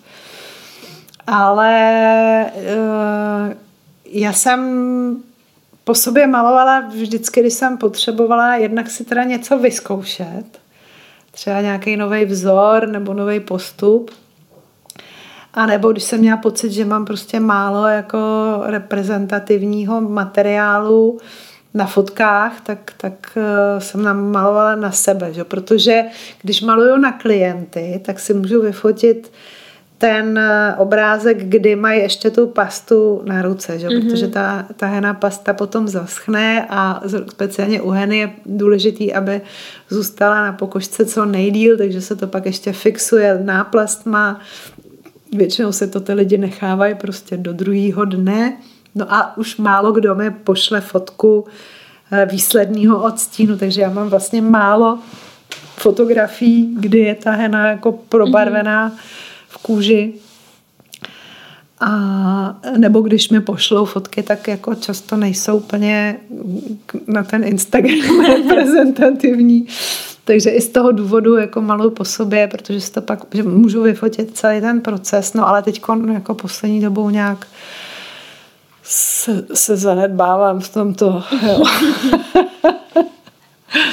A měla no. třeba pro tebe někdy nějaký uh, jako terapeutický mm. význam, mm. nebo ne? Mm. Uh, no, to je taky jako zaj, zajímavá otázka, protože já s Henou jako terapeuticky vlastně pracuju, nebo energeticky, mm. jo, ne, nejsem žádný terapeut, ale mm. já právě protože vnímám jako všechno to, o čem jsme tady mluvili, že jo, ten background mm. toho, mm, toho materiálu a já tam tu energii cítím, a, takže a, a vlastně už ke mně jako přicházejí i klientky, který to cítí taky, aniž bych to nějak jako, tak já o tom třeba píšu, že, jak, mm-hmm. protože já jsem i reiki mistr, takže do toho prostě zapojuju i energii reiki a dřív jsem dělala i takový jako rituál, kdy jsem používala reiki energii tak, jak se má, s přikládáním rukou vlastně na závěr teda nějakého Eh, toho malování, ale já jsem pochopila, že ta energie proudí stejně jako neustále, jo? takže hmm. během toho, takže a snažím se zjednodušovat, takže i během toho malování tam prostě co si jako probíhá a moje klientky to nějak tuší a přitahujeme to jako úžasný bytosti. A který třeba přijdou s nějakým může to být problém, který chtějí nějakým způsobem zpracovat eh, v tom, co, co, co na tu kůži malujem, nebo to může, může být nějaký jako důležitý období v životě a chtějí se to prostě ještě jako zviditelnit. Jo. Eh, ty důvody jsou různý a jsou jako hrozně zajímavý. Ale je pravda, že sama na sobě to jako nedělám. nebo, nebo prostě minimálně. Jako není, není to tak, že bych si sedla a řekla si, teď si dám ten dár. Ale ono je to možná, teď když nad tím přemýšlím během toho, jak o tom mluvím, tak ono je to možná, že mě stačí s tou henou jenom pracovat a nemusí, mm-hmm. nemusí to jít na mě. Jo. Že, že mě dělá jako obrovskou radost, když to setkání jako s tou klientkou a ta práce, to je taková jako, taky jako propojení prostě duší a, a zároveň meditace a možná tohle mi stačí. Mm-hmm. no. Mm-hmm. No, protože třeba, jak jsi mluvila o, tý, o těch esenciálních olejích, co se do toho přidávají, tak já zase jsem hodně přes vůně, takže jsem mm. si hmm. okamžitě, jakmile jsem vybalila tady tvoji henu, tak jsem věděla, že je tam levandule a já třeba levandule jako fakt miluju a myslím, že to je jedna ze vůní, která mi jako pomohla projít dvouma náročnýma školama mm. vlastně. Mm. Takže pro mě má fakt takový hodně hodně uklidňující účinek a jako když, když si ji často čuchnu, tak je to takový jako když se vrátíš domů, jako takový, mm. ne, že by třeba domácnost mého dětství takhle voněla, ale prostě má jsem takový ten jako jo, je to dobrý, je to v pohodě, tak možná i působení prostě jenom toho, jak jsi říkala, že se s tím setkáváš, že jsi v tom přímém kontaktu. Tak... U, určitě ta levandule je... a já i ty reakce jako mých klientech jsou jako nejenom na samotný ten obrázek, ale jako jednak na ten proces toho vznikání a právě na tu vůni. Mm. Jako. Někdo to pozná okamžitě, něco, je to voní, jako co to je, mm. jo. Je zajímavé, že i děcka to poznají, jo. Dě, mhm. děti k tomu vždycky čuchají a někdo říká, jako to je levandule, přece to je levandule, jo.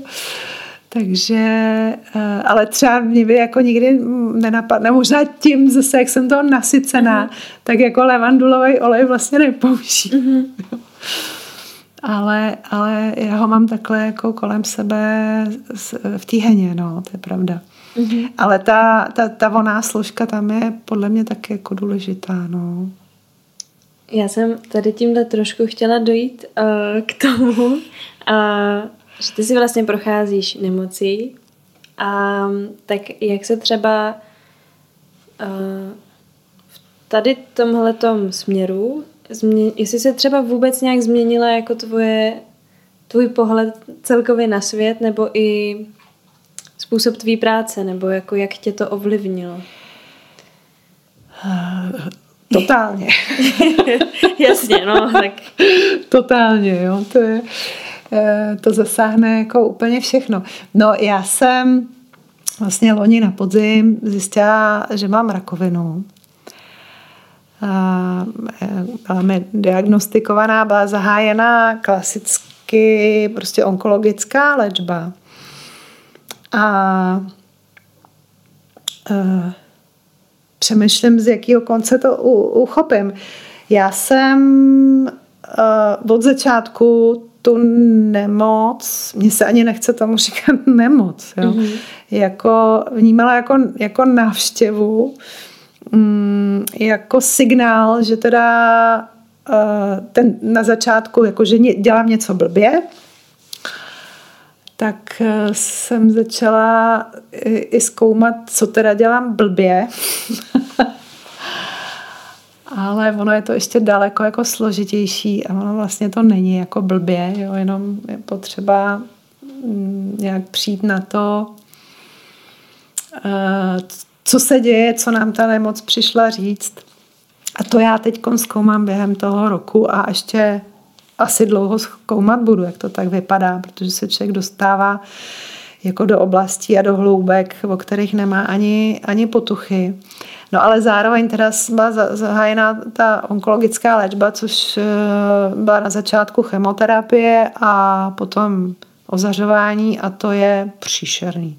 To bych opravdu nikomu nepřála a na druhou stranu zase jako prostě přála jako z toho hlediska, že eh, pokud to člověk uchopí jako správně, jako ne jako oběť, ale jako, že tady je něco, tady ti něco ukazuje, jako jakým směrem se můžeš vydat, nebo že teda tudy ne, tak eh, když už prostě není zbytí, tak to přijde takovýmhle jako drsným způsobem.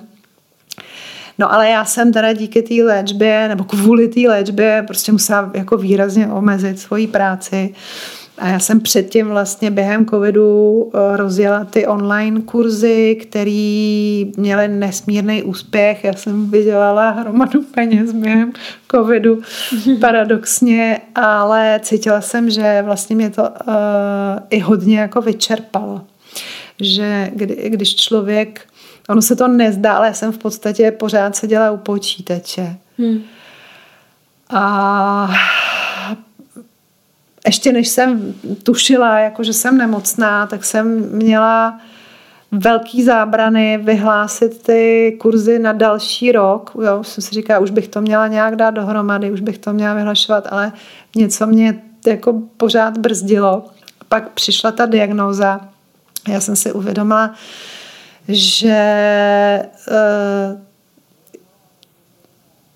je potřeba si hlídat svoje hranice a že tady to nebyla úplně jako asi šťastná cesta eh, se takhle jako eh, do toho vlastně odevzdat jako mm-hmm. celé, jo. Takže jsem musela hodně zvolnit, kurzy jsem mm, nedělala, Měla jsem i období, kdy jsem vlastně ani nemohla jako mít klienty. A když jsem trošičku se z toho oklepala, tak naopak jsem zjistila, že mi to setkávání s klienty dělá nesmírně dobře. Jo? Že opravdu, i, když mi třeba nebylo jako úplně hej, ale šla jsem na tu schůzku, tak člověk úplně zapomněl jako na to hmm. trápení, i jako fyzicky, jo, že, že, hmm. že jsem najednou mi udělala jako, jako i fyzicky dobře, takže takže to, a to, to trvá, jako to, to, tam jsem si uvědomila, jak je pro mě ten lidský kontakt, jako skutečný fyzický lidský kontakt důležitý, protože to tam je, jako to je součást, to je, jako té heny je vlastně to dotýkání, jo. Mm-hmm. Ty se dotýkáš prostě druhýho úplně cizího člověka, musí tam být nesmírná důvěra. Mm-hmm. Jo, my si to prostě neuvědomujeme, ale je to tam, jo, takže takže ten lidský kontakt uh, mi prostě dělá uh, strašně jako dobře. A já nevím, no, co bych ještě k tomu měla říct. Je to, je to prostě mm, jako dobrodružná cesta, na kterou teď už můžu říct, protože mi je jako líp, jo. na kterou jsem ráda, že jsem se vydala, jo. Mm-hmm. Že mm, tohle bych nikdy neřekla když mě bylo jako blbě po té chemoterapii, protože mi bylo fakt strašně blbě. Hmm. Ale, ale teď už je to jako mnohem lepší zase, no, takže je, je, je to zajímavý. Mm-hmm. Mm-hmm. Já jsem chtěla otevřít tohleto téma, protože je to teďka součástí ty tebe, no, je to nějakým jako součástí té tvý cesty, tak mě to právě zajímalo, jak, jak tě to No, jak tě to ovlivnilo, no? Uh, no, hodně a mně se třeba i o tom jako, mm, mně se to jako hůř dává do slov, protože je to proces, který jako se prolíná a vyvíjí, uh, ale co třeba mně přišlo jako hodně zajímavý a důležitý, mm, jednak nebát se jako požádat o pomoc, ale to ani ne, ale jako nějakou nabídnutou pomoc přijmout. Jo. Mm-hmm. A přijmout ji skutečně jako ze vším všude, ne, že jsem někomu dlužná, jo, což mm-hmm. třeba si myslím, že spousta lidí uh, s tím může mít problémy, protože mě začaly jako oslovovat moje kamarádky s nějakou nabídkou, a já jsem jí s vyděkem přijala, protože jsem jako pochopila, že tohle to mi může pomoct. Konkrétně právě třeba, jak se říkala, jak jsme se sešli mm-hmm. vlastně na tom setkání, tak to je uh, Rosana, to je moje kamarádka, která je původem Brazilka, uh, má českého muže, takže se asi před čtyřmi lety přesunuli z Brazílie do Prahy a žije teď tady a ona kromě toho, že maluje henou, tak vystudovala arteterapii a ta mi třeba nabídla, že mi poskytne, uh, myslím, že to bylo 12 jako z arteterapeutických setkání. Právě aby mi pomohla jako to, v tom mým hledání na té mojí cestě. A to třeba bylo jako hodně zajímavý a tam jsme i používali jako jeden z materiálů právě henu. No. Mm-hmm. Ale nejenom, tam jsem hodně jako používala vodovky a, a kresbu, ale i s tou henou třeba jsme pracovali vlastně úplně jiným způsobem, jakože tam nešlo o to udělat krásný obrázek, mm.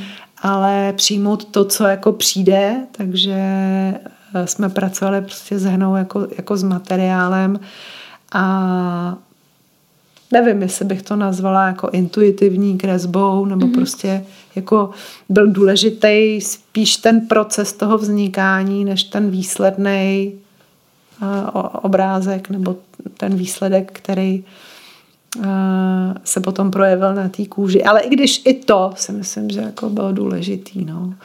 Takže si jako zeno se dá pracovat vlastně různě. No. to je krásný. Mm. To je krásný, jak si tě to jako, jak jsi říkala, jak si tě to přitáhlo, ale tak jak si tě to tak jako, mi přijde až jako obklopilo, že prostě to přišlo z různých stran a v různých situacích a jo, to jo. je úžasný. jako ještě takovýhle přírodní materiál. Jakože to, je, to je na tom krásný taky, mm. že to je čistě vlastně mm-hmm. všechno z přírody. Mm-hmm. No, no. To jako mi ještě víc přijde, že je to takový hlubší a Jo, jo, jo, je tam, no jasně, je tam ta hlína, je tam ten růst, je tam prostě ta energie té rostliny, že jo? když mluvíme o energiích, tak nejenom energie žen, který se mnou pracovaly, ale ta samotná energie té rostliny, že jo? která mm-hmm. prostě rostla v nějakém prostředí a nabrala i tu energii toho místa prostě, jo, mm-hmm. ten všechno slunce, že jo, no, jo. A když, a Jagua to samý, že jo, tam zase jako ten, ta Amazonie je prostě, prostě mhm. otisklá, je to přesně to plot, je tam ta symbolika zase trošku jiná, ale i tohle tam, tohle to tam je, no. Mm-hmm. No, teďka, aby jsme to, my jsme to tak jako teďka uhladili, jo?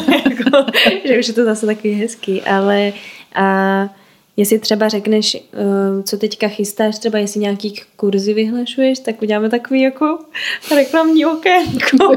reklamní okénko, kurzy zatím Zatím nevyhlašuju, protože opravdu chci ten eh, čas a energii věnovat sama sobě. Mm-hmm. Co nejvíc, co nejvíc to jde.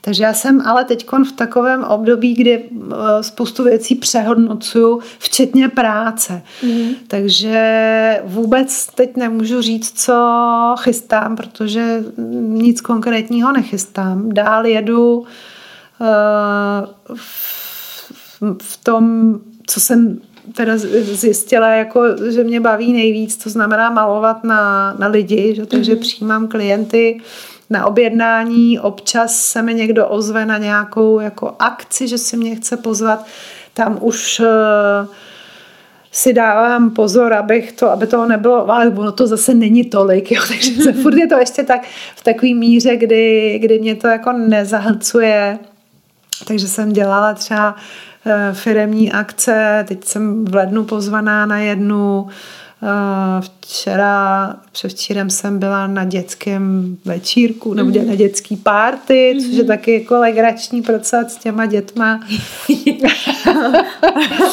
Tam je to spíš o té akci, jo, protože oni jako moc nepostojí.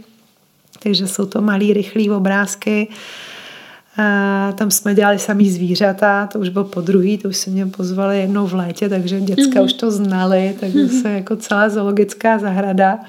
A já mám tu výhodu toho uh, výtvarného vzdělání, mm-hmm. že já jako nemám problém prostě namalovat nějakého klokana nebo nosorožce nebo co si vymyslej. A ale, ale gro je, jsou ty, mm, to malování na objednávku, to znamená, že mi někdo zavolá, domluvíme se nějaký termín, mi dá téma, nebo prostě přijdou třeba lidi i s nějakým konkrétním uh, směrem nebo obrázkem, jako který, kam, kam by to třeba chtěli směřovat. Mm. A nebo to někdy nechávají úplně na mě, jenom přijdou s nějakým tématem a ono něco jako vyplyne a funguje mi e-shop, kde teda prodávám ten materiál, prodávám henu, prodávám jagu a prodávám pomůcky základní, které jsou potřeba k tomu, když chce někdo sám zdobit eh, zdobit tělo nebo prostě s tím pracovat. A to je zatím všechno. Mm-hmm. A to mi, to, to mi dá, jako to mě udržuje při životě, abych měla co jíst. Ale teď se, teď se chci věnovat hlavně prostě sobě, no. Mm. no protože mám pocit, že jsem se dlouho zanedbávala. Mm. Takže no. zatím kurzy teda nechystám, no. Mm-hmm. Na to naváže moje poslední otázka. Um, Jaký máš teďka nějaký svůj sen, třeba co se nemusí týkat heny, nemusí se týkat práce, nebo může? Uh, protože já moc ráda prostě sny nebo přání jako sdílím. Tak se, jsem myslela, že řekneš, já moc ráda sny plním. To, to, to doufám, že taky, tím, že tady ty lidi můžou si jo. tak jako vyslovit, no. Mm. Jasně, no, to je to vyslovený přání. Já uh, bych asi ráda zase trošku jako víc cestovala. Eh, to vlastně bylo naplánovaný, no vidíš, no. Naplánovaná cesta do Maroka, kterou jsem chtěla uskutečnit eh, příští rok na jaře, cesta do Maroka po stopách Heny s nějakou hmm. malou skupinou eh, lidí ve spolupráci s takovou malou cestovkou zažít Maroko, to jsou úžasní lidi. Tereska a její, její vlastně marocký eh, partner, takže tam je i, i ta marocká strana autentická. Já jsem se s něma i setkala tady. I ty marocký průvodci tady vlastně byli kluci v Praze a jsou úžasní, takže s něma eh, jsem jako začala plánovat cestu, ale pak jsem to jako vzhledem k dalšímu vývoji té mojí návštěvy mm-hmm. přehodnotila, protože bych to asi na to ještě neměla úplně energii na jaře, takže to bych, to bych chtěla někde jako uskutečnit, no. takže jsem to tak jako přesunula na ten další rok, kdy doufám, že už to půjde, ale uvidíme. A to by se mi líbilo, protože bychom se právě podívali na ty místa, kde hena roste, kde se zpracovává, pak i do těch jako mm, třeba vzdálenějších vesnic, kde ty ženy to ještě používají tím opravdu tradičním způsobem. No a no možná fakt to cestování, no. Je pravda, že jsem jako s tou cestovkou jezdila všude možně a pak, pak když se mi narodil syn, který mu je dneska 18, tak, tak jsem už eh, tolik ne, jako nejezdila po světě a určitě bych se chtěla někdy podívat do Indie, kde jsem teda nikdy, nikdy ještě nebyla. A zase no, prostě mě to táhne jako za tou henou. No. No. Nehledě, jako nevím, jestli do, do Amazonie za jagou, no možná, možná i tohle, jako někdy mm-hmm. skutečně takovou další cestu e, někam no, do Peru nebo do Brazílie nebo uvidíme. Mm-hmm. tak to, to, to, to mě tak jako napadlo, jinak vlastně jako asi úplně vyloženě sny nemám, jo? že mm-hmm. já mhm. tak jako beru to, co přijde a třídím. Mm-hmm. Toto jo a toto ne. Mm-hmm. A když je to jo, tak je to jako super, kam mě to zavede. Takže tak. No já ti moc moc děkuju.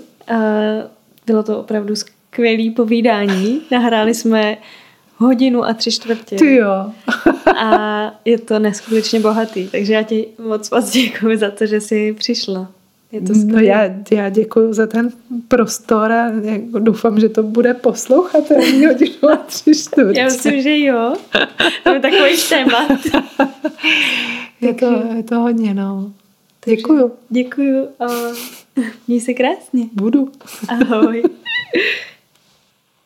Slyšeli jste rozhovor s Ivanou. Já ještě jednou moc děkuji za to, že se mnou nazdílela tolik a tolik krásných zážitků, zkušeností, situací. Mm, dlouho jsem neměla takhle dlouhý rozhovor a mě to moc moc bavilo. Doufám, že vás to taky tak bavilo a budu ráda, když mi dáte vědět, jak vás to bavilo. Um, vaše zpětná vazba je pro mě hodně důležitá a kdo to doposloucháváte až sem, tak vám moc, moc děkuju. Já vím, že doposlouchávat dokonce to občas um, není úplně jakože zajímavý, tady ty moje konce, ale pro mě jsou prostě důležitý vždycky tady říct to děkuju na konci. Um, a to je ode mě asi tak všechno. Kdybyste mě chtěli podpořit finančně nebo třeba jenom nějakou zprávou, tak budu moc ráda. Můžete mi napsat, nebo mi můžete koupit virtuální kafíčko, nebo mě podpořit na Patronu a nebo mi prostě poslat vámi vybraný čísílko na moje číslo účtu. Všechno najdete pod touhletou epizodou a nezapomeňte se podívat na to, co všechno Ivana nabízí. Tak jo, a mějte se krásně. Ahoj.